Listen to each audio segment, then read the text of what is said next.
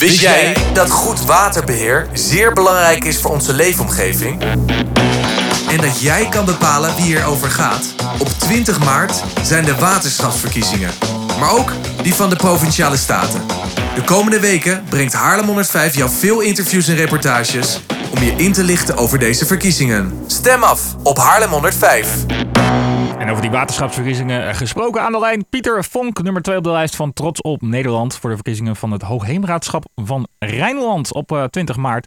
Het waterschap is eh, verantwoordelijk voor bijvoorbeeld het eh, boezemwater en het waterpeil. Pieter Vonk die legt in een gesprek met eh, onze verslaggever Yves Krijns uit wat voor een orgaan Rijnland is. Het is natuurlijk een, een, een bestuursorgaan. En het is, de verschillen tussen de partijen zijn natuurlijk niet bijzonder groot. Uh, want iedereen heeft natuurlijk, uh, iedereen is het wel met elkaar eens dat de kwaliteit en veiligheid gegarandeerd moet zijn. Dus in, op die punten uh, is er weinig verschil. Maar er is natuurlijk wel op een gegeven moment de vraag, wat willen we met onze toekomst? Hoe gaan we verder? Want er zijn natuurlijk een aantal problemen die opdoemen. Of bijvoorbeeld de, de palenrot door het lage grondwaterpeil. Uh, vervuiling door medicijnen en uh, natuurlijk temperatuursverhoging. Het zijn wel punten en dan gaat het dus om keuzes. Welke partij uh, geeft waaraan de voorkeur?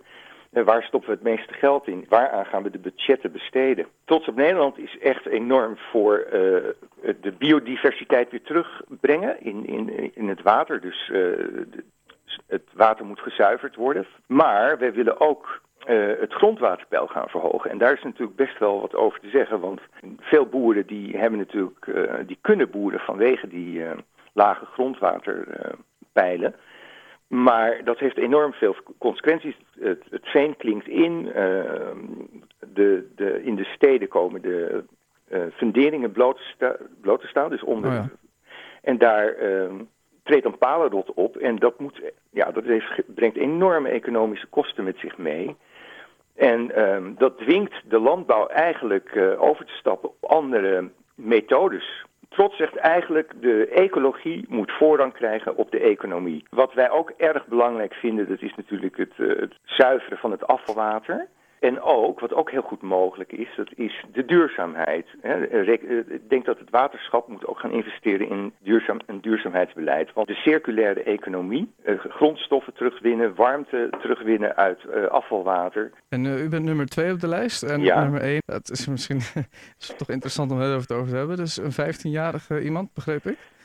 Ja, dat is Dana van Kessel. Ja. Is een ongelooflijk enthousiaste dame. Ja, eigenlijk had je haar moeten interviewen. en...